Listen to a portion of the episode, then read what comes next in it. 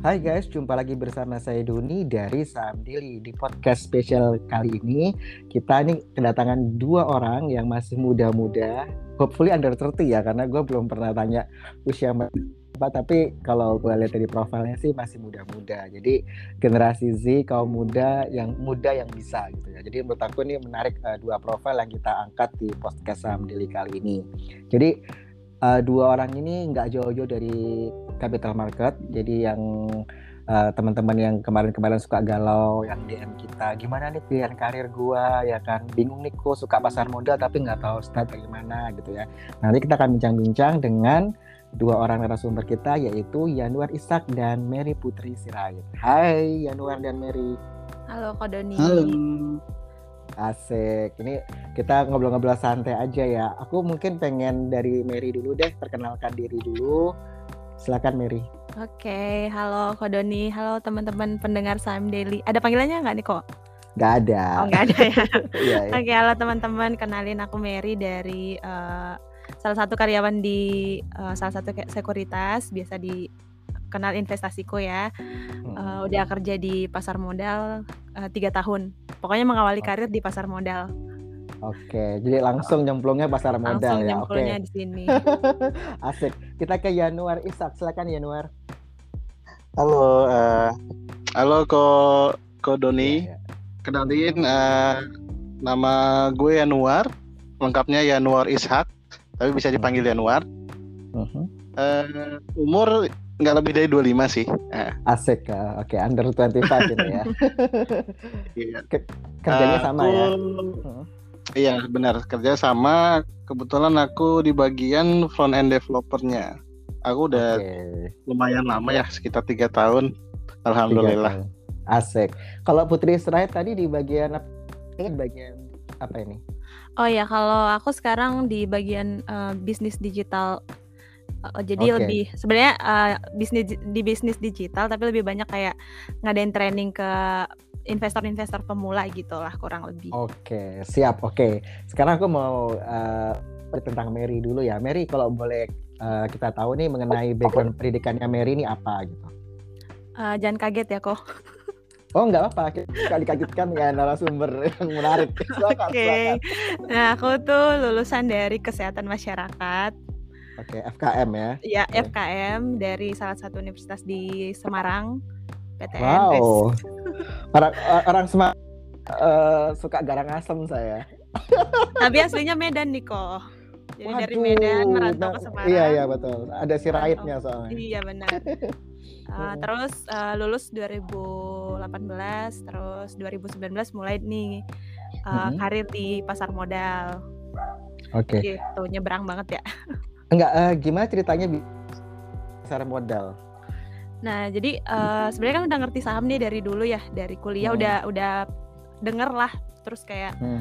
interest nih tapi kayak nggak berani mulai karena emang literasi yang biasa dilakukan kan ke mahasiswa ekonomi Iya betul. mahasiswa di fakultas lain tuh kurang gitu jadi kayak belum berani Hmm. untuk memulai terus pas perjalanan cari kerja Mhm. karena memang eh, jurusan aku tuh kebanyakan dicarinya buat dinas kesehatan ya puskesmas Mhm. segala macam yang emang harus PNS dulu jalurnya Mhm. jadi cari kerja yang emang eh, kayak MDP ODP gitu yang iya, manajemen iya. teknik kebetulan nih di Mega Capital Sekuritas sendiri pada saat itu buka eh, manajemen bisnis development program yang mana itu terbuka buat semua jurusan Mhm. Nah, karena memang sudah punya ketertarikan ke dunia pasar modal, kenapa enggak untuk coba deh gitu kan. Terus ngejalanin seleksi segala macem, eh keterima. Terus udah Oke. deh, pas ternyata pas ngejalaninnya juga enjoy, seneng banget jadi kayak banyak ilmu-ilmu baru yang dipelajarin gitu. Makanya bertahan nih lumayan di sini tiga tahun. Tiga tahun ya. Oke, Mer. eh, kalau boleh ini ya, eh, ini kan kamu eh, di MDP ya. Ini Mm-mm. dulu lu kuliahnya di Semarang, terus eh, apply apply gitu, Mm-mm. akhirnya ke Jakarta interview gitu ya. Jadi benar-benar Iya. dari Semarang ke Jakarta gitu. Eh, kalau emang dulu tuh kebetulan keluarga banyak di Jakarta ya, jadi pas begitu Oke. lulus dari Semarang langsung pindah ke Jakarta buat eh, cari-cari kerja gitu. Asik. Oke, memang kalau orang Medan tuh gitu ya, eh, perantau tuh eh, asli Medan, kuliah di Semarang, kerjanya Jakarta. Men- Bener. Untuk menaklukkan ibu kota gitu ya ibu katanya. kota gitu. Impiannya kerja di gedung tinggi. Ya, sudah kecapean belum nih? Kecapai sih, Oh, alhamdulillah. kecapai ya, asik ya. Ya, betul. Oke, sekarang kita beralih ke Januar nih. Oke, Januar bisa dijelasin nih background PDKD apa, terus dan selanjutnya. Oke, eh, gimana ya awalnya ya? Eh, kalau aku kebetulan, eh aku lagi. Enggak apa-apa, Ini apa, santai aja. friendly nggak ya? Enggak santai, santai. Boleh aku, boleh gua, Oh, boleh ya? silakan. Bebas, kita bebas. Oke, eh, kebetulan aku itu lulus eh, diploma 3 Hmm. lulus tahun 2019 kemarin, eh 2000 ya 2019 Hmm. di salah satu kampus daerah Pasar Minggu ya. Ya. Itu kampus swasta, eh, fakultas apa ini? kampus swasta yang Di, di- eh, programnya eh, apa? j- jargonnya tuh jargonnya siap kerja gitu. Oh, enggak apa-apa, enggak maksud aku Nah, eh, bagian untuk apa? jurusannya ah, sendiri, jurusannya. eh, aku di manajemen informatika, konsentrasinya di informatika komputer. Oke, oke. Manajemen informatika. Oke. Jadi ini Nah, kalau kamu ini kayak sejalan ya, sejalan, enggak Ya. enggak, enggak Sebenarnya sih nggak se- ya. sejalan itu sih. enggak ya? Nah, sebenarnya ini- sebelum oke. aku di sini eh, sempat eh, luntang-lantung nggak jelas gitu. Oh, Oke, oke, oke. Enggak apa-apa. Jadi Pasti- setelah lulus pasti ada masa situ, masa berjuang. ya, setelah lulus dari situ, eh, aku kayak teman-teman mahasiswa fresh graduate pada umumnya ya bingung cari kerja. Kita taruh sana sini, hunting. Terus kebetulan sempet pernah bekerja di salah satu perusahaan kurir di Mhm. daerah Jakarta Timur. Mm-mm. Eh, itu nggak bertahan lama, cuma tiga bulan. Waktu itu aku eh, kerja sebagai data sen- data entry ya, Data yang entry ya. inputin data gitu ya. Terus nggak betah karena kayaknya kayaknya salah deh gitu kayak, kayak bukan bukan jalan ninjaku gitu Asik, iya. akhirnya iya. nah, akhirnya keluar dari situ cari-cari lagi nyoba lagi itu udah sampai sebulanan Ah, akhirnya dari kampus ternyata ada dari rekrutmen nih Mm. dan rekrutmen itu dari eh, dari PT dari investasiku Mm-mm. Nah, aku coba di situ terus ikutin semua tes seleksi dan interviewnya. Terus lolos dari dari berapa orang ya? 10 kayaknya. Dan akhirnya ikut masa percobaan di situ selama tiga bulan. Terus cocok, akhirnya lanjut kerja. Padahal awalnya tuh aku nggak pernah eh, tahu gitu literasi keuangan Mm-mm. kayak reksadana, saham, atau obligasi, bahkan sekuritas sendiri aja awalnya aku kira itu eh, perusahaan pengamanan gitu kayaknya. Security ya. Security ya. Iya, security gitu. Oke, oke, oke. gitu. Oke. Akhirnya tapi semenjak di situ aku banyak belajar, dapat ilmu, terus eh, sampai bisa ikut terjun langsung trading bareng gitu. Seneng Oke. banget rasanya sampai ya bertahan tiga tahun di situ. Berarti eh, Mary sama Januari sama-sama tiga tahun ya di Mega Capital Sekuritas dengan aplikasinya investasiku ini ya. Tapi aku baru tahu loh kok. kalau masuknya maksudnya? bareng Januar. Baru tahu kalau masuknya bareng-bareng Januar. Oh, Oke oke oke. Soalnya yang satu program MDP, satunya bukan. Iya, sama. Hmm.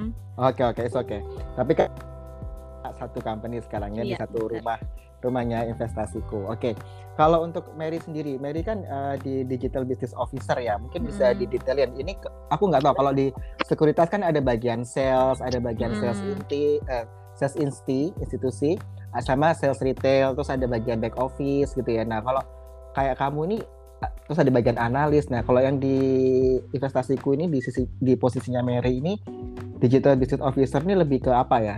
Ke Oke. divisi apa? Nah, sebenarnya ini eh, mencakup divisi produk Produk, development ya. sih. Jadi kayak gimana Hmm. caranya biar eh, kalau misalkan kan dari digital marketing tuh narik gimana orang biar banyak yang download. Nah, Mm-mm. nextnya itu tuh ke divisinya aku nih. Hmm. Eh, gimana caranya biar orang yang sudah download dan regis ini nggak dianggurin nih, nggak cuman udah eh, udah download, regis, terus habis itu nggak tahu ngapain nah divisi aku tuh yang nggak kayak ayo kita mulai dari uh, buka RDN dulu ya setelah buka RDN mungkin teman-teman bisa top up dulu nah setelah mereka top up kan nggak mungkin langsung tiba-tiba kita suruh beli saham ini beli saham itu nah di yeah. sinilah kayak tugasnya bikin zoom webinar atau misalkan ngenalin ke komunitas-komunitas misalkan kayak ke saham daily atau okay. uh, kita mungkin bisa ngadain kayak beberapa waktu yang akan datang kita ngadain kegiatan di Menara Bank Mega di lantai tiga buat kayak investor investor-investor pemula ini gimana caranya biar mereka ngerti di market gitu sih. Oke, jadi lebih ke community ya, ke community. Ya. Jadi kayak hmm. after sales. Uh, jadi ketika orang sudah tundut tundut RDN, uh, kalau mereka kalau mereka diam-diam aja, mereka nggak transaksi juga hmm. ngapain gitu kan. Ya, jadi benar. supaya supaya growth ya, supaya aktif, ada traffic. Nah makanya ada komunitas-komunitas atau ada kegiatan-kegiatan, activity yang di create sama divisinya Putri ya, Mary ini. Iya. Oke. Okay Terima kasih untuk ini nangkap nih uh, posisinya. Sekarang kalau untuk Januar nih di front end developer nih apa kaitannya sama aplikasi user experience, user interface itu gitu nggak sih? Kalau aku sendiri di front end developer itu, mm -hmm. job desk utama dari front end front end developer itu adalah uh, mencerna uh, dari sebuah desain dari tim desain mm -hmm. grafis ya di, diimplementasikan ke sebuah kode hmm Nah kode tersebut dalam bentuk entah itu aplikasi atau itu berbentuk website, uh, yang jelas itu menjadi suatu tampilan uh, yang bisa diproses dalam bentuk code. Nanti itu akan diserahkan ke tim backend untuk diproses lagi lebih jauh strukturalnya dan datanya segala macamnya untuk jadi sebuah ekosistem baik baik website maupun aplikasi. Oke, jadi mungkin uh, kalau aku bilang kamu ini di, di, di divisinya IT ya, bagian dari IT ya. Betul, aku ini bagian dari uh, tim developmentnya investasiku. Oke, investasiku, menarik menarik. Nah kalau tadi udah ngomongin job desk-nya apa-apa, baik Januar maupun Mary. Nah sekarang gue pengen tahu suka dukanya nih kerja di capital market nih. Kalau siapa dulu nih apa nih? Oh mari, iya. Mari, boleh. Uh, mungkin mulai dari sukanya dulu kali ya. Kita mulai yeah, dari okay, yang okay. senang-senang dulu. Nah, yeah. sukanya tuh ya itu uh, ketika pertama kali terjun di sini banyak banget hal baru yang dipelajarin gitu loh dari hmm. dari mulai uh, pasar modalnya sendiri, sahamnya, dunia trading kayak gimana. Oh ternyata nggak semudah uh, beli jual beli jual. Ada juga yang lain kayak uh, apa nih yang ngegerakin kenapa bisa harga saham naik turun. Pokoknya uh, hmm. lebih bisa mempersiapkan kayak uh, di masa depan tuh harus gimana bahkan dari sisi financial planner ibaratnya hmm. dulu mindsetnya tuh uh, nabung itu sisa dari duit gitu loh tapi semenjak hmm. kayak gabung di sini ya kita belajar emang di awal udah dipisahin nih apa yang mau ditabung atau apa yang mau diinvestasikan baru uh, kebutuhan utama terus juga kayak sisanya baru deh kalau misalkan ternyata mau butuh buat healing atau gimana gitu. Tapi uh, tabungan ini jangan sampai sisa sisa dari uang bulanan karena kalau sisanya yang kita tabung biasanya akan habis nih nggak pernah cukup kan.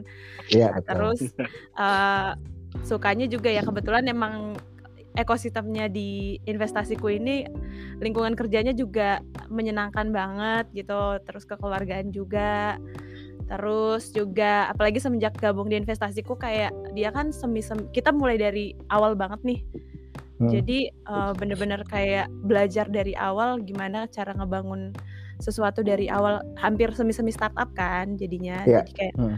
kayak banyak hal belajar di dunia digital marketing juga gitu-gitu. Kalau untuk dukanya sih ya mungkin bukan duka sih tapi kayak kadang-kadang kalau ketemu temen tuh pasti aja ada yang nanya besok saham apa yang naik gitu. kan kalau kita ya. iya, kalau kalau ibaratnya kita tahu kan kita nggak mungkin kerja ya. Jadi kita yeah, dari yeah. diam aja di rumah tinggal jual beli gitu. Itu sih yeah, paling yeah. kayak gimana sih percuma kerja di sekuritas gitu atau misalkan uh, ya ketika kita mungkin emang udah belajar ya masalah trading tapi terkadang kan ada bisikan ini itu ini itu nih. Iya yeah, iya. Yeah, Pas betul. kita dengar bisikan terus kita uh, beli terus nyangkut Ya, ya. Kalau ada yang tahu ya balik lagi gimana sih katanya di sekuritas kok masih merah portonya gitu-gitu sih ya, paling. Ya. Tapi itu itu itu sangat sangat lazim sih. Eh, mm -hmm. ya sama lah kita uh, after market close kita maunya nyantai-nyantai ketemu orang diajak makan diajak ngopi akhir-akhirnya apa Nanya. besok sama apa ya.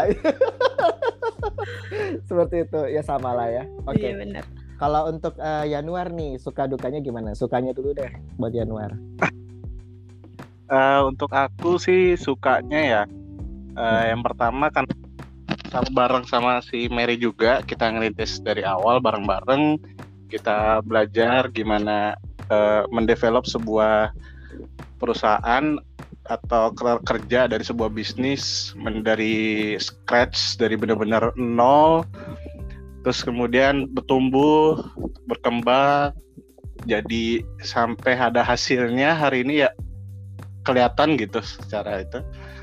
Terus gimana caranya eh, membawa atau merintis sebuah aplikasi atau web website dari nol?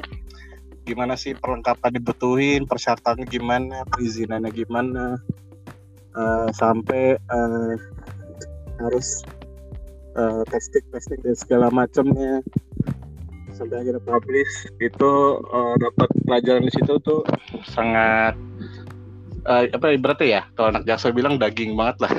Asik. Daging semua kolesterol hati-hati. Asik. iya iya betul. Kalau dukanya Nah, apa nih dukanya nih kalau dukanya ya eh kadang aku kan suka suka nongkrong ya sana sini biasa anak jaksel gitu nah teman-teman kadang suka nanya gitu "Eh, lu kerja di mana sih bro? Gitu. Gua kerja di eh, sekuritas nih. Oh sekuritas apa ya? Eh, gitu. Kadang orang malah nggak masih banyak yang kekurangan apa ya belum tahu belum belum belum ter apa ya bilangnya? Well educated Belum atau familiar Teredukasi. Belum familiar, Iya, ya, itu. ya. Nah, belum familiar dengan Belum familiar. Nama dengan sekuritas nama gitu. sekuritas. Hmm. iya. oke oke. Malahan Iya sih. mereka itu uh, malah lebih tahu kripto dan lain-lain gitu. Padahal saya uh, aku sendiri malah nggak tahu itu kripto gimana. Oke oke. Ya ya berarti kamu ku- kurang ya? Iya. No no it's okay it's okay. Karena eh, masing-masing orang kan pasti eh, kadang-kadang kita baru tahu saham itu ada yang usia 40, usia 30, bahkan kalau sekarang 16 tahun pun udah trading saham ada kan seperti itu. Jadi ya tergantung juga dengan lingkungan dengan siapa kita bergaul atau kita suka baca atau enggak. Jadi itu itu juga akan banyak berpengaruhnya sih. Nambahin Kalau- lagi kalau- kok. ya. Ya benar tadi yang kata Yanuar bahkan maksudnya kayak nggak jarang aku nemuin orang teman-teman yang padahal masih seumuran kita gitu ya kayak kerja di mana di sekuritas itu apa Eh, iya perusahaan saham gini gini gini gini terus mereka mindsetnya masih saham itu eh, judi. investasi judi atau investasi Oke yang oke. kurang Betul, kurang tahu betul. gitu jadi kayak eh, satu sisi sih senang ya harus eh, apa ngejelasin Tantangan. jadi Ya, jadi ya, kayak ya. gimana caranya lo harus eh, terjun di saham karena gue nih gitu kan tapi ya satu sisi kayak aduh sedih banget sementara sekarang tuh di mana-mana udah banyak akses buat kita lebih tahu nih mengenai investasi saham itu sendiri gitu sih Oke oke oke mantep mantep. Ya eh, kalau di Januar sendiri sering overtime nggak sih kalau awal-awal eh, buat startup itu?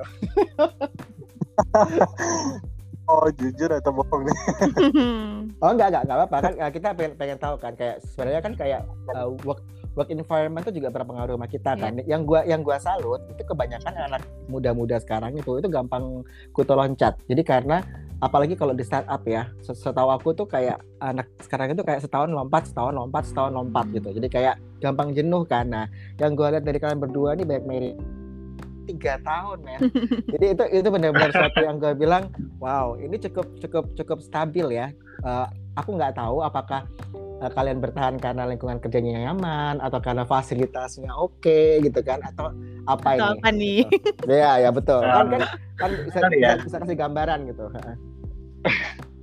kalau dari aku sendiri eh sebenarnya sih eh, yang dibilangin sama Kodon itu benar banget tuh aku juga sebenarnya tipe yang kalau lingkungannya tuh nggak ngedukung atau kurang menyenangkan gitu pasti langsung buru-buru cabut gitu. Sama kayak pengalamannya sebelumnya yang di eh, perusahaan kurir yang kemarin itu. Iya iya. Nah, eh, di sini alhamdulillahnya eh, aku ditemuin sama teman-teman sama rekan-rekan kerja dan juga atasan yang punya visioner yang bagus yang bisa bareng-bareng uh, ngarahin ke arah yang positif terus bisa nyelesain bareng-bareng jadi nggak nggak toxic ya gitu Asik. makanya bisa bisa bertahan sampai tiga tahun gitu Asik ya betul betul kalau si Mary gimana Mer? Uh, kalau aku kenapa bisa tiga tahun di sini itu uh, sebenarnya sejak aku gabung di sini kan sebenarnya itu investasiku belum ada ya produknya ya, nih. Nah jadi tiap tahun itu ada challenge baru, jadi nggak pernah bosan gitu. Misalkan dari awal aku masih tahun pertama kan masih pendidikannya kok karena masih MDP ya. Iya MDP, jadi pendidikan in kelas tiga bulan, terus sisanya itu training muter di divisi-divisi. Nah, masuk tahun kedua mulai masuk ke satu divisi. Uh, di situ divisinya khusus belajar trading. Uh, oh, okay. divisi trading. Di situ setahun belajar gimana uh, dunia trading. Terus uh, habis itu dikasih di bulan di setelah satu setengah tahun dikasih kesempatan untuk ngelola sosial medianya perusahaan. Oke. Okay. Karena di kita sosmednya belum jalan, belum nyentuh ke digital tuh dulu di mega kapitalnya sendiri. Jadi -huh. diberi kepercayaan buat ngelola sosmed, ada tantangan baru lagi nih gitu kan. -huh. Nah terus udah nih coba-coba uh, belajar gimana desain bahkan uh, beli di uh, Canva karena nggak yeah, bisa yeah, pakai yeah. yang Adobe yang profesional gitu jadi desain di Canva dulu deh terus belajar gimana copywriting gimana uh, mat, apa namanya berita-berita material yang kayak gimana nih yang bisa diangkat gitu. Jadi nggak nggak monoton nih yang dikerjain. Terus masuk ke tahun setelah dua setengah tahun baru deh dipindah uh, divisi ke investasiku. Dan ketemu lagi challenge baru jadi nggak nggak pernah bosan. Di samping emang lingkungan kerjanya juga suportif banget orang-orangnya juga seru. Terus juga kayak nggak tekanan kerjanya tuh nggak yang sampai bikin overthinking tengah malam terus insomnia gitu kalau kata anak okay, jaksel okay. kan gitu ya asik asik asik nah kalau dari sini gue simpulin ya kayak kalian ini anak muda yang suka belajar, suka di challenge, ada hal-hal baru yang buat kalian eh, nggak uh, bosen karena ada selalu ada challenge kan untuk kalian. Terus didukung sama lingkungan kerja yang menyenangkan, yang support kalian gitu. Jadi akhirnya kayak karir development kalian itu benar-benar kelihatan nih. Oh ini ya, habis MDP ini ini ini ini gitu. Jadi kalian mau mau resign juga ngapain ya? Ini masih ada challenge lagi, ada challenge lagi gitu ya. Jadi uh, menarik ya uh, suasana kerja di investasiku. Nah Uh, terus kalau ke depannya nih, ini kan uh, kalian masih pada muda-muda nih, apa mau lanjut S2 atau kalian mas atau mau challenge apa lagi? Maksudnya uh, gue pengen posisi ini nih. Kira-kira ada nggak bayangan mau seperti apa gitu Siapa dulu nih kok? Mary, Mary, Mary. uh, keinginan S2 sebenarnya ada Hmm. Uh, tapi ya nunggu biayanya dulu atau nunggu ada yang biayain gitu kan misalkan Asik, amin. amin, amin, cari, amin. cari beasiswa atau cari pasangan yang mau ngebiayain. Nah itu juga satu, salah satu opsi sih. Opsi kan. Iya betul betul. Terus sebenarnya kayak uh, pengen gitu uh, bisa nongkrong bareng orang-orang hebat di pasar modal gitu loh kalau misalkan kita hmm. lihat uh, yang udah punya nama besar di pasar modal tuh kalau hmm. ngelihat di Instagram misalkan ya hmm mereka lagi kongko-kongko bareng bahas market gitu kadang tuh pengen deh jadi salah satu orang yang ada di sini nih gitu terus oh, oke okay. terus selain itu juga ya uh, apa yang sebenarnya kan sekarang di investasiku sendiri kita lagi banyak ke kampus-kampus nih Ya betul. Uh, lagi barengan sama Alobeng untuk uh, Invest Goes to Kampus. Ya pengennya sih uh, ini nanti akan semakin besar. Terus uh, jadi ba lebih banyak anak-anak uh, muda mahasiswa-mahasiswa baru yang emang lebih melek finansial karena salah satu yang aku kerjain gitu. Jadi lebih ke mudah-mudahan apa yang aku kerjain ini ke depannya lebih berdampak ke orang lain gitu sih. Oke benar. Ini yang yang ter yang ter event yang di mana? Agustus akhir Agustus aku lupa tuh event akhir apa Agustus itu? ada di Binus kok. Nah itu di Binus. Jadi buat hmm. teman-teman yang di Jakarta yang mungkin daripada ngendon nggak bingung mau ngapain bisa tuh join di aktivitinya. Di Binus tanggal berapa ya tuh? Di Binus tanggal 30. Kita lagi banyak buat event sih kok di kalau oh, misalkan okay. ini di Instagram kita tuh. Mungkin teman-teman Saham Daily bisa join, yeah. Iya. uh, berkunjung ke Instagram kita gitu. Iya, di at investasiku ya. Iya, benar. Di Instagramnya itu kan bisa bisa follow, jadi kan bisa tahu activity apa sih yang diadain sama investasiku gitu. Oke. Okay di situ lalu sekarang kita ke Januar Januar ini ke depannya kamu mau gimana nih mau sekolah lagi atau mau mau dapat posisi apa atau buat bisnis sendiri mungkin know. Um, kalau aku sendiri sih untuk jangka pendeknya ya udah tes tes sorry Iya. Nyaman, Oke, nyaman. aman ya Hmm. kalau untuk jangka pendeknya sih eh, harapannya eh harapan jangka pendek sih udah ada planning untuk lanjut kayak satu dulu nih selesaiin di sampai tahun depan Mhm. terus eh, pengen banyakin portofolio portofolio eh, soal website atau aplikasi di luar dari pekerjaan yang ada sekarang. Jadi Mhm. benar-benar banyakin hasil kerja karena di situ eh, nilai seseorang seorang front end itu didiri atau seorang developer itu dilihat dari eh, hasil karyanya sih. Iya, project yang udah Jadi, selesaiin ya, yang dikerjain. sih- betul. Harapannya sih kalau aku pengennya jadi expert di bidang ini dulu sih di di di front end ini Oke. tapi tidak menutup kemungkinan eh, untuk berpenghasilan dari eh, yang lain kayak misalnya saham gitu Oke, asik. Eh, kalau kalau kayak Yan- Januari ini bisa bisa buat aplikasi gitu nggak sih? Maksudnya benar-benar kamu eh, biasanya kalau buat aplikasi kan ada, ada timnya ya, ada bagian grafis, bagian ini, bagian itu, bagian coding, bagian apa gitu-gitu kan ya? Betul. Eh kalau di tim aku sendiri kan eh, kita dibilang cukup komplit ya. Ada ada yang dari awal desain, terus front end, terus kemudian diolah ke back end, Mhm. habis itu baru dipublish. Itu luma- eh, cycle yang moderate lah istilahnya. Iya, iya. Kalau untuk Oke. sekelas kayak perusahaan-perusahaan e-commerce gede itu lebih Hmm. gede lagi timnya. Dan Ya, dalam betul. satu dan dalam satu gugus tugas front end biasanya ada beberapa orang gitu. Mhm. Dan yang hebatnya lagi eh kalau untuk skala kecil ya kayak in-house eh, software development itu biasanya ada single factor gitu. Single factor ini tuh dia ngerjain dari awal scratch idea sampai rilisan si aplikasi itu dia benar-benar ngerjain sendirian gitu. Wow. Itu namanya single factor. Tapi itu Nah, kalau aku ya. sendiri sih, kalau aku sendiri sih kalau untuk aplikasi ya, Mhm. eh aku belum belum coba sih, belum ada portofolio yang benar-benar buat aplikasi eh, yang seperti Android atau iOS. Tapi kalau iOS. untuk website sih aku udah udah bisa jamin, Asik. aku udah jago banget. ya. Oke oke. Tinggal tinggal tinggal banyakin project aja ya. Jadi bisa bisa nambah. Betul, uh, banyakin project, portfolio latihan. Betul betul. Hmm, Oke siap mantap ya ini anak-anak muda under under 30 bahkan under 20 yang sudah tahu nih mau ngapain ke depannya. Amin gitu ya. Amin. Amin. Ya ya mantap mantap. Aku rasa aku juga kalau kalian punya seragam nih warna hitam juga ya. Seragam investasiku. Iya seragam kerja kalian itu eh, hitam juga kayak trans gitu atau belum? Oh enggak, kalau kita ada warna putih. Terus eh, warna putihnya ada dua tuh polos sama kemeja. Terus satunya tuh eh, kalau Kodoni pernah lihat icon kita yang namanya Visto tuh kan pakai baju pantai tuh. Iya betul. Eh, jadi kita pakai baju warna hijau-hijau tuh biar seger, Oke, biar oke, kerjanya mantap, berasa di mantap. Bali gitu. Asik. nah benar-benar. Kenapa ya?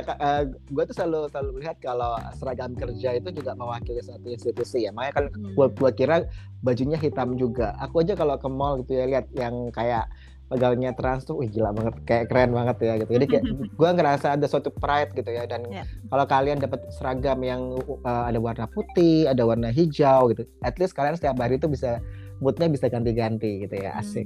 Hmm. Oke, kita ya sudah ngomongin masalah personal, kita kembali ke aku pengen tahu tentang investasiku sendiri sih. Tadi kan si Mary bilang bahwa eh, dulu kan sebelum ada investasi kapital sekuritas, akhirnya Hmm. dibuatlah aplikasi investasiku. Nah, itu di bulan September ya kalau nggak salah ya. Ya. 2021 ya. Nah, itu eh aku pengen tahu sih tentang investasiku ini eh, apa sih kalau kita bilang kan biasanya eh, suatu ketika kita mau jualan nih misalkan eh, mau nawarin eh lu buka dong akun RDN di investasiku. Nah, ini kelebihannya apa ini yang ditonjolin dari investasiku? Mungkin Mary ya, mungkin bagian produk bisa jelasin. wah dites nih. ya nggak apa-apa. Eh, kali-kali abis denger podcast pada HK semua loh. Iya benar. harus dong kok. Iya harus harus ya. Nah uh, jadi uh, investasiku itu sendiri adalah aplikasi online trading ya. Uh, khususnya saham saat ini dan dalam waktu dekat kita akan uh, mengembang kita sedang dalam pengembangan untuk bisa trading obligasi jadi uh, tidak menutup kemungkinan teman-teman bisa transaksi obligasi di aplikasi investasiku. Mudah-mudahan akhir tahun udah uh, kelar. Terus berikutnya akan disusul dengan reksadana.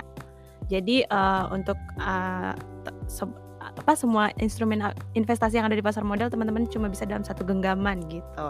Terus udah gitu kita sebenarnya uh, ramah pemula banget sih, nggak mm-hmm. karena kan sebenarnya pemula nggak butuh fitur yang ngejelimet ya, yang ya, betul. ini itu ini itu gitu. Jadi uh, di kita tuh aplikasinya user friendly banget, terus uh, sederhana juga kalau misalkan untuk butuh cepat juga kita ada uh, versi website untuk yang scalper itu juga nggak uh, kalah lah sama uh, tempat lain gitu. Nah selain itu juga ya, kita ada poin nih. Ini yang yang menarik adalah kita setiap teman-teman transaksi di investasiku teman-teman akan dapat poin MPC poin namanya di Alo di Alo Bank. Yang mana poin ini satu poin itu sebenarnya satu rupiah kok jadi hmm. kalau misalkan uh, transaksinya sering atau banyak nih, nggak menutup kemungkinan uh, poin ini nanti bisa dipakai untuk teman-teman misalkan udah dapat nih udah sering transaksi dapat poin 75.000 mau ngopi-ngopi cantik di Coffee Bean bisa atau beli es krim Wendy's gitu-gitu uh, terus juga ibaratnya uh, semakin teman-teman sering transaksi ya poin yang didapatkan akan semakin banyak gitu. Mungkin bisa ditambahin sama Januar dari sisi ininya ya. Januar mungkin dari sisi nah. aplikasinya lebih tahu ya. Silakan, okay, silakan. Aku, ya.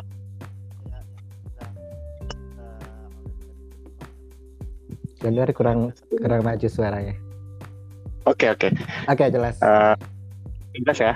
Jadi investasi ini sendiri merupakan produk dari Mega Capital. Dan Mega Capitalnya ini sendiri adalah uh, satu dari sebag uh, banyaknya perusahaan-perusahaan dalam satu grup yang dikelola sama uh, eh, CT Corpora. Jadi uh, itu sebuah ekosistem yang lumayan besar, bukan besar itu sangat besar. Dan ekosistem ini kayaknya baru pertama gitu uh, mungkin kalau kesalahan koreksi aja ya. Ya benar. uh, jadi sistem ini uh, pertama kali kita coba dari Pak CT sendiri untuk uh, menyatukan semua bisnis bisnisnya baik dari offline maupun online jadi satu kesatuan gitu di tempat namanya Alobank. Nah dari investasiku sendiri hubungannya dengan uh, Alobank itu apa? Nah investasiku sendiri ini kita yang tadi dibilang oleh uh, Mary mendapatkan poin. Nah, poin itu didapatkan dari setiap transaksi yang kita uh, jual belikan di uh, misalnya jual beli saham di aplikasi investasiku. Nah, karena ekosistem kita itu lumayan besar dan banyak bisnis unit yang uh, atau perusahaan-perusahaan yang tergabung di dalam grup kita. Nah, dari poin tersebut uh, bisa dipakai di setiap uh, merchant-merchant yang tergabung gitu. Jadi nggak usah khawatir kalau poin-poin tersebut uh, bisa digunakan di mana gitu. Terus uh, investasi sendiri ini kelebihan yang kita uh, lebih unggulkan daripada pesaing-pesaing yang lain itu yang pertama itu adalah EduFest. Nah, EduFest itu apa sih sebenarnya? Nah, EduFest ini adalah edukasi investasi. Jadi itu sih kepanjangannya. Jadi kita uh, selain sebagai penyedia jasa jual beli saham, uh, terus nanti juga ada obligasi, ada reksadana juga. Nah kita juga kasih edukasi. Nah edukasi ini nanti untuk membantu uh, para milenial, Gen Z, terus yang di bawah-bawahnya lagi supaya lebih melek finansial, lebih mengpaham gitu bahwa uh, belajar tentang keuangan itu penting loh gitu. Jadi nggak uh, belajar tentang matematika doang, fisika, sejarah. Uh, jadi belajar tentang keuangan itu juga penting gitu. Nah, uh, semua itu kita hadirkan dalam satu aplikasi aja. Jadi uh, bisa diakses edukasinya juga, transaksinya juga. Kemudian juga nanti uh, uh, ini masih planning aja sih ya. Uh, mudah-mudahan bisa rilis. Nanti juga ada yang namanya financial planner. Jadi financial planner itu nanti kita bisa bantu teman-teman uh, di luar sana yang masih kebingungan nih untuk mengatur asetnya, aset-asetnya. Terus gimana nanti uh, mau diapain itu nanti kita bisa bantu di situ. Gitu aja sih. Oke okay, mantap mantap ya ya nangkap nangkap jadi gini ya investasi ini kan produk dari Mega Crypto Sekuritas di bawah Citycorp ya. Jadi Citycorp cukup besar tadi jelasin sama si Januar di mana kelebihan-kelebihannya ada user friendly, simple, terus ada versi website juga yang mungkin butuh kecepatan yang lebih tinggi bisa pakai versi websitenya. Terus setiap kalian transaksi itu dapat poin. Nah poinnya ini masuk di Alobank ya. Jadi teman-teman kalau habis download aplikasi uh, investasiku jangan lupa download Alobank juga. Jadi nanti begitu kalian transaksi dapat poin, poinnya masuk ke Alobank. Jadi kalau uh, selain itu edukasi ke depannya nanti akan ada financial planner. Nah, kalau aku kan sebagai user nih di investasiku, jadi memang uh, kalau kalau aku kan karena aku di Bali ya, jadi aku kalau ke Transmall Bali itu parkirnya itu satu rupiah tau gak sih? Nah, jadi jadi pakai pakai alo poin aja, cuma bayar satu satu satu poin itu gue bisa bisa park, uh, bayar parkir mobil tuh itu gila banget. Jadi itu itu uh, salah satu yang gue rasa sebagai user ya. Jadi kalau teman-teman mungkin bingung sebenarnya City Corp ini apa aja sih? Ya ada Trans Transmall ya kan? Terus ada uh, Trans Studio ada uh, Baskin Robin Coffee Bean Wendy's apalagi tuh? Banyak banget ya Antafaya terus uh, hotelnya juga ada kan? Hotelnya juga Resort, banyak kok. ya. Hmm. jadi di situ kita uh, betul.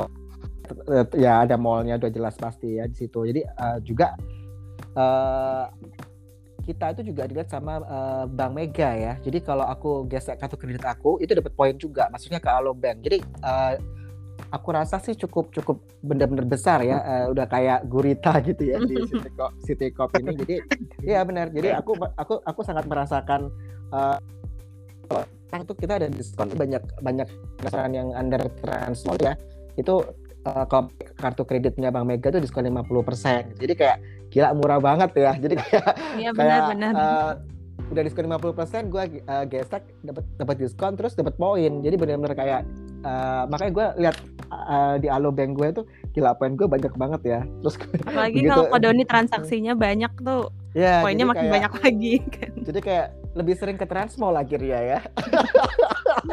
Bener-bener kok. Uh, ya betul. Benar-benar jadi uh, mungkin kalau kalau teman-teman yang bahkan teman-teman aku tuh banyak yang eh ya udah deh ke Transmall aja. Kenapa? Pasti gue udah tahu nih. Pasti lu pakai apa Bank Mega kan? Gitu. Jadi kayak hal-hal yang memang simple tapi terutama cewek ya. Kalau cewek-cewek itu kan suka hitung-hitungan ya. Uh, beli ini dikit aja berapa tuh? Uh, oh yes yes. Uh, karena uh, ini kalau pengalaman aku ya ibu-ibu aja ini kita ngomongin ibu-ibu dulu deh. Ibu-ibu tuh kalau belanja cabai jadi ditawar kan. Apalagi kalau untuk uh, kita bilang smart spender. Sekarang itu banyak banyak wanita wanita yang smart spender yang single yang kalau kalau kalau mungkin uh, eh, gue nggak ngerti ya gimana tapi aku lihat teman-teman aku yang independen ya independen itu mereka yang dari yang cukup mature ya 30 tahun ke atas itu mereka nggak suka kok dibayar, dibayarin cowok sebenarnya. Iya, benar. karena mereka mereka sudah punya punya pekerjaan yang settle. Beda sama yang mungkin baru kuliah kalau dibayarin cowok mah seneng ya gitu ya. Traktir dong traktir gitu. Tapi kalau udah udah udah yang level manager gitu tuh kayak no no I pay gitu. Jadi kayak akhirnya dengan dengan menggunakan sisinya Bank Mega atau kita uh, pakai alo point kita misalkan kayak kita uh, belanja di Transmart eh ada diskon lo khusus pakai Alobank. Nah, itu tuh penting banget. Jadi ini hal-hal yang mungkin kalau buat aku nilai nilai plus dari investasiku. Mm-hmm. Jadi terlepaskan mau pakai Bank Mega, mau pakai Alobank, mau uh, trading pakai aplikasi investasiku dan bener kata tadi si Mary bahwa ini aplikasi itu simple. Jadi uh, sebenarnya kalau buat aku ya uh, aplikasi yang di handphone itu yang penting itu nggak suka error. Mm-hmm Terus mungkin feature yang dari aku yang dulu aku sempat ngomong sama uh, tim investasiku, sebenarnya yang kita butuhin itu aplikasi yang nggak suka error, terus aplikasi yang ada smart order, ya. terutama untuk orang-orang yang kerja kantoran. Jadi dari dari aku ya sebagai oh, ya, sebagai betul, user, betul. karena kalau kita udah udah kerja kantoran nggak mungkin kan kita tuh kalau ada meeting kan susah ya mau ngeliatin apa chart terus gitu kan nggak mungkin kita lihat apa trading kita punya ini berarti kita, aku selalu pakai smart order ya udah di sela-sela itu gue udah setting duluan ntar gue tinggal meeting gue tinggal uh, keluar ke mana itu gampang. Tinggal pantaunya tinggal oh uh, karena kan secara robot itu kayak secara robot ya istilahnya kalau smart order itu. Jadi itu benar-benar kayak misalkan aku beli saham ini beli di harga 100 mau jualnya di harga 120 cut lossnya di harga 90 nih kan. Terus tiba-tiba kalau aku nggak pakai smart order ya saham uh, sampai 120 aku nggak nggak nggak jual. Ah eman ah mungkin bisa ke 140 nih saham. Ya kan? Bener, jadi bener, ada, ada ada faktor emosional. ada faktor jadi, emosional di situ. Begitu dia naik 135 kita nggak jual-jual. Ah kita 150 eh, turun eh, lagi. Gak, begitu ada meeting kita liatin eh tiba-tiba RB sedih. Bener kok ini ini ini kejadian banget nih di aku nih waktu perang Rusia. Jadi uh, lupa pasang smart order uh, kita meeting uh-huh. habis meeting dari sekitar jam setengah sepuluh kali apa jam sebelasan ya habis meeting lihat kalau kenapa ARB semua ini gitu kan. Ya, ternyata Putin udah nyerang nih negara tetangganya nih. Jadi kayak waduh gitu. Ya, itu jadi sih pentingnya memang, smart order. Jadi kayak kita nggak perlu bolak-balik ngeliatin kan. Iya benar-benar. Dan aku makanya aku juga senang dengan aplikasi investasiku. Ini bukan karena apa-apa ya, tapi karena dulu aku sebelum sama investasiku itu aku uh, trial dulu gitu. Jadi aku bilang sama Bu Yeni, Bu Yeni, saya uh, coba aplikasinya dulu ya gitu.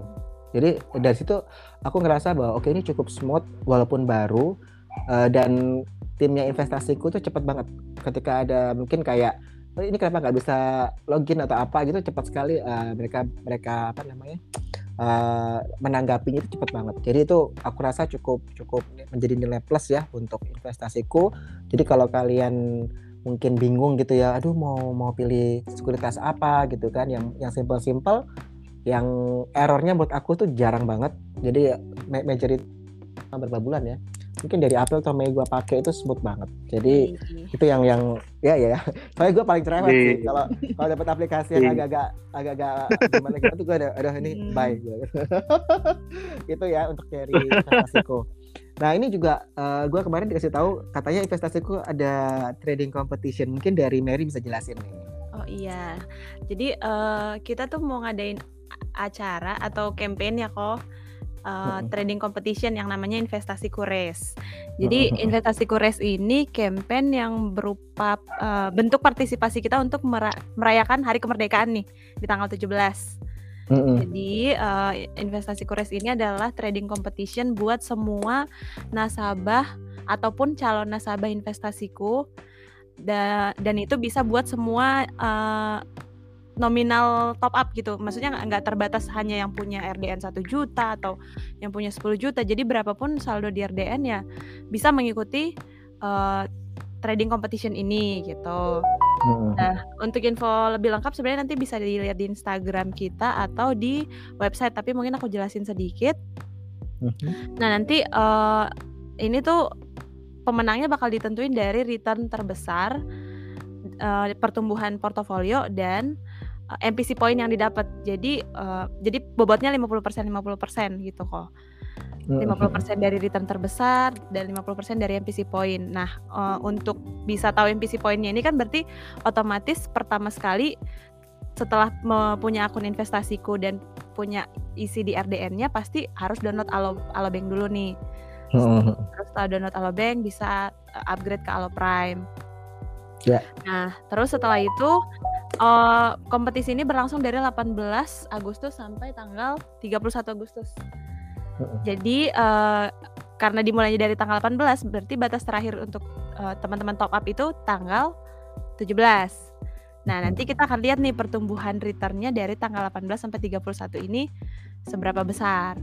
Lalu uh, untuk pengumuman pemenangnya nanti akan diumumkan di tanggal 6 uh, September. Ya, benar 6 September. Terus uh, yang paling penting adalah hadiahnya sebenarnya kok ya.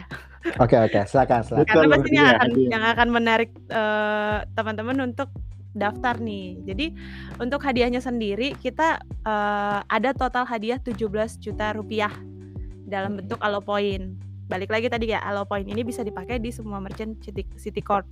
Yes. Termasuk mau belanja bulanan di Transmart, atau mau nong ngajak nongkrong teman-temannya gitu di Coffee Bean. Jadi uh, 17 juta rupiah dalam bentuk NPC point untuk 8 orang pemenang. Hmm. Uh, jadi uh, 8 orang pemenang itu yang dibagi-bagi uh, atas juara satu dapat 4 juta, juara dua dapat 3 juta, juara tiga 2 juta, dan lima uh, orang juara harapan masing-masing 1,6 juta. Lumayan besar ya kok ya. Oke lumayan nih ya buat oh, anak kos-kosan nih seneng banget nih. Iya. Udah. Kan katanya Gimana, apa? Indomie mau naik tiga kali ya katanya mm harganya. Jadi itu bikin galau, bikin galau kok. okay. Udah udah nggak jadi penyelamat akhir bulan lagi tuh. Nah, ya betul betul betul. Nah, jadi, jadi tadi menarik ya yang disampaikan sama Mary tadi tentang apa? Trading competition investasi kures. Jadi masih ada waktu buat teman untuk daftar. Terus kalau yang belum punya RDN bisa buruan download aplikasi investasiku, terus download Alobank juga. Jadi biar kalau kalian transaksi masuk ke poinnya ke Alobank kayak gitu. Untuk Januar ada yang mau tambahin uh, mengenai investasiku dan bla bla blanya. uh, untuk aku sih uh, jangan tunda lagi, langsung aja registrasi sekarang biar makin uh, makin terbuka pikirannya untuk uh, literasi keuangannya biar ngebantu uh, finansialnya juga uh, itu aja sih sekian oke okay. terus ini uh, gue mau kalian kasih apa tips atau pesan-pesan buat generasi Z yang mungkin masih kuliah, lagi galau cari apa pekerjaan atau gue ntar abis lulus kuliah gue mau ngapain ya, mau kerja di bidang apa ya. Nah itu mungkin ada advice nggak buat generasi Z ini? Oh, boleh aku dulu deh, aku dulu. Boleh, boleh Januar, boleh. Kalau dari aku buat generasi Z atau generasi yang di bawah-bawahnya lagi yang akan datang uh, kalau baru lulus terus mau coba cari kerja uh, coba aja dulu cari kerja yang sesuai dengan hatinya kalau misalnya yang sesuai dengan hati nuraninya masih belum dapat juga coba cari kerja dulu yang bisa uh, menghasilkan uang. Nah setelah menghasilkan uang, udah cukup untuk menabung dan punya uang lebih, baru deh uh, coba cari lagi yang sesuai dengan hati nurani pekerjaannya. Gitu. Jadi jangan uh, takut salah atau takut melakukan kegagalan karena uh, kita masih muda gitu. Ya. waktunya ya maksudnya bukan gagal terus ya. ya betul, betul betul oke okay. nice, nice. aja oke okay, kalau dari Mary mungkin ada tips atau pesan buat generasi Z gimana oke okay, kalau dari aku sih uh, pertama nih buat teman-teman yang masih mahasiswa jangan jadi mahasiswa kupu-kupu nih kuliah pulang kuliah pulang kalau bisa teman-teman cari kegiatan di luar perkuliahan yang emang akan mendukung uh, mengupgrade value diri teman-teman gitu. Bisa kepanitiaan, organisasi atau apa pun itu. Karena ini akan penting banget buat teman-teman nanti ketika nyari kerja gitu kan. Kayak uh, apa namanya? Apa namanya tuh kan jadi bingung. uh, apa namanya? Jadi kalau misalkan ketika nanti di interview akan lebih banyak yang bisa digali dari teman-teman selain uh, mata kuliah yang di yeah. jalanin gitu. Terus buat teman-teman yang udah semester-semester akhir uh, udah bisa mungkin mulai digali kesenangannya apa. Terus uh, jangan lupa juga mulai investasi karena nggak ada jaminan teman-teman begitu lulus langsung dapat kerja gitu pasti akan ada masa jedanya dan di masa jeda ini tuh antara bingung mau minta nyokap bokap lagi tapi nggak enak mau bertahan tapi sulit gitu kan. Jadi setidaknya teman-teman punya dana darurat dulu nih untuk nanti dipakai di masa jeda ini sebelum teman-teman dapat pekerjaan. Terus juga uh, seperti yang tadi kata Januar ya kalau bisa pas uh, begitu lulus ya mungkin dicoba dulu cari yang mungkin teman-teman senengin apa di bidang apa. Kalau memang akhirnya mentok ya dicari yang lain yang memang uh, bisa tetap bisa dijalanin walaupun uh, tapi nggak sampai yang bikin stres gitu terpaksa banget buat ngejalanin gitu karena banyak banget kok bidang bidang pekerjaan di luar sana yang seru dan menyenangkan selama itu masih bisa diikutin dengan baik gitu sih. Yang pastinya okay. jangan lupa investasi sejak dini karena yeah. semakin cepat investasinya maka returnnya akan uh, lebih berasa nanti di masa tua gitu. Aduh mantap nih bener nih. Ini gua gua summary dulu ya. Jadi kalau dari si Anwar tadi bilang bahwa coba aja dulu gitu kan yang penting dapat duit. Nanti kalau kalau nggak nyaman ya mungkin bisa keluar. Tapi kalau belum nyaman ya kerja cari duit dulu. Nanti kalau udah kita bisa uh, sudah lumayan ada tabungan kita bisa cari yang sesuai dengan apa yang kita inginkan. Kalau dari Mary sendiri selama masa kuliah itu jangan cuma kuliah kuliah pulang kuliah pulang. Tapi harus juga ada activity ada sosialisasi sehingga akan memudahkan ketika proses interview mungkin ya. Terus kalian selama kalian mahasiswa itu kalau kalian aktif di kegiatan sosialnya kegiatan kemahasiswaan kalian bisa dapat networking juga gitu jadi hmm. pas pas lulus tuh nggak susah cari kerja juga gitu kan dan satu hal yang penting tadi si Mary garis bawahi bahwa investasi sejak dini. Jadi kalau kamu udah lulus kuliah itu nggak ngebantuin orang tua juga kalau kalian punya tabungan. Nah, tadi ngomongin soal investasi, yang penting adalah mulai dari sejak dini dan kalau bisa melalui Ini aplikasi investasiku. Asik. Kita tutup dengan nah, tagline kita kali kok ya. Kayak tagline kita tuh investasiku for better tomorrow. Asik for better tomorrow. Oke. Okay. Terima kasih buat Januar dan Mary Ya, kita Terima udah kasih, podcast hampir 50 menit lebih satu jam loh ya. Hampir satu jam. Jadi hmm. thank you banget. Saya Doni dari Sam Daily out. Bye bye. Thank you kok. Bye. Bye.